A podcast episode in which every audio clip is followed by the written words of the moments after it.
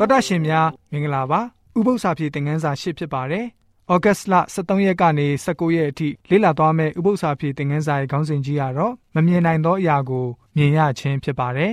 ဖတ်မဲ့ကျမ်းချက်တွေကတော့ယောမဩဝါဒစာအခန်း၈အပိုက်28ကနေ39ရှင်ဟန်ခရစ်ဝင်အခန်း14အပိုက်1ကနေ14အေဖက်ဩဝါဒစာအခန်း1အပိုက်18ကနေ23ဟေရှာယအနာဂတိကျမ်းအခန်း40အပိုက်29ကနေ31တို့ဖြစ်ပါတယ်အဓိကကြက်ကြက်ကိုတော့ ဟေပြဲဩရစာအခန်း7အပိုက်29မှာတွေ့နိုင်ပါတယ်။ယုံကြည်ခြင်းအပြင်ရှင်ဘီရင်အမျက်ကိုမကြောက်ဘဲအေကုတုပြည်ကိုစွန့်သွား၏အကြောင်းမူကား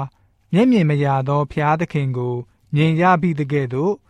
တည်ကြည်ခြင်းရှိ၏ဆိုပြီးတော့ဖော်ပြထားပါတယ်။ဟေပြဲကျမ်းကဖော်ပြတဲ့ယုံကြည်ခြင်းရဲ့အဓိပ္ပာယ်ကတော့စိန်ခေါ်ချက်တွေနဲ့ပြည့်နေပါတယ်။ယုံကြည်ခြင်းဟာ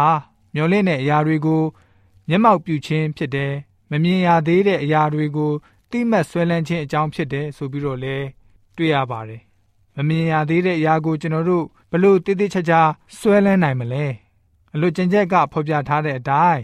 မောရှေဟာအမှန်တကယ်ပဲတက်တည်ပြသွားခဲ့ပါတယ်။မမြင်ရသေးတဲ့သူကိုမြင်ရတယ်လို့ကျွန်တော်တို့ဆွဲလန်းခြင်းဟာစိန်ခေါ်မှုတစ်ခုဖြစ်ပါတယ်။ခေတ်အခါကောင်းတဲ့အချိန်မှတော့မဟုတ်ပါဘူး။အထူးသဖြင့်ကမောက်ကမဖြစ်နေတဲ့အချိန်မျိုးမှာဖြစ်ပါတယ်။ခရစ်တော်ရဲ့ယုံကြည်ခြင်းနဲ့တူတဲ့ယုံကြည်ခြင်းမျိုးကို ကျွန်တော်တို့လိုအပ်နေပါတယ်။ဘုရားသခင်ရဲ့နိုင်ငံတော်နဲ့ဖြောင့်မတ်ခြင်းကိုရယူဖို့ပုံစံတွင်ထားရပါမယ်။ခမဲတော်ရဲ့ကောင်းမြတ်ခြင်းဘုရားရှင်ရဲ့နာမတော်တကူ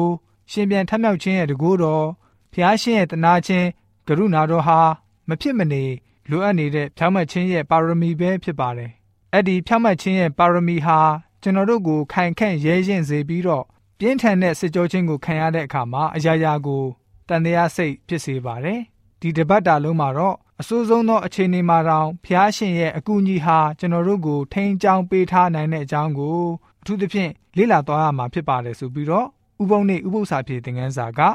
ဖော်ပြထားပါတယ်။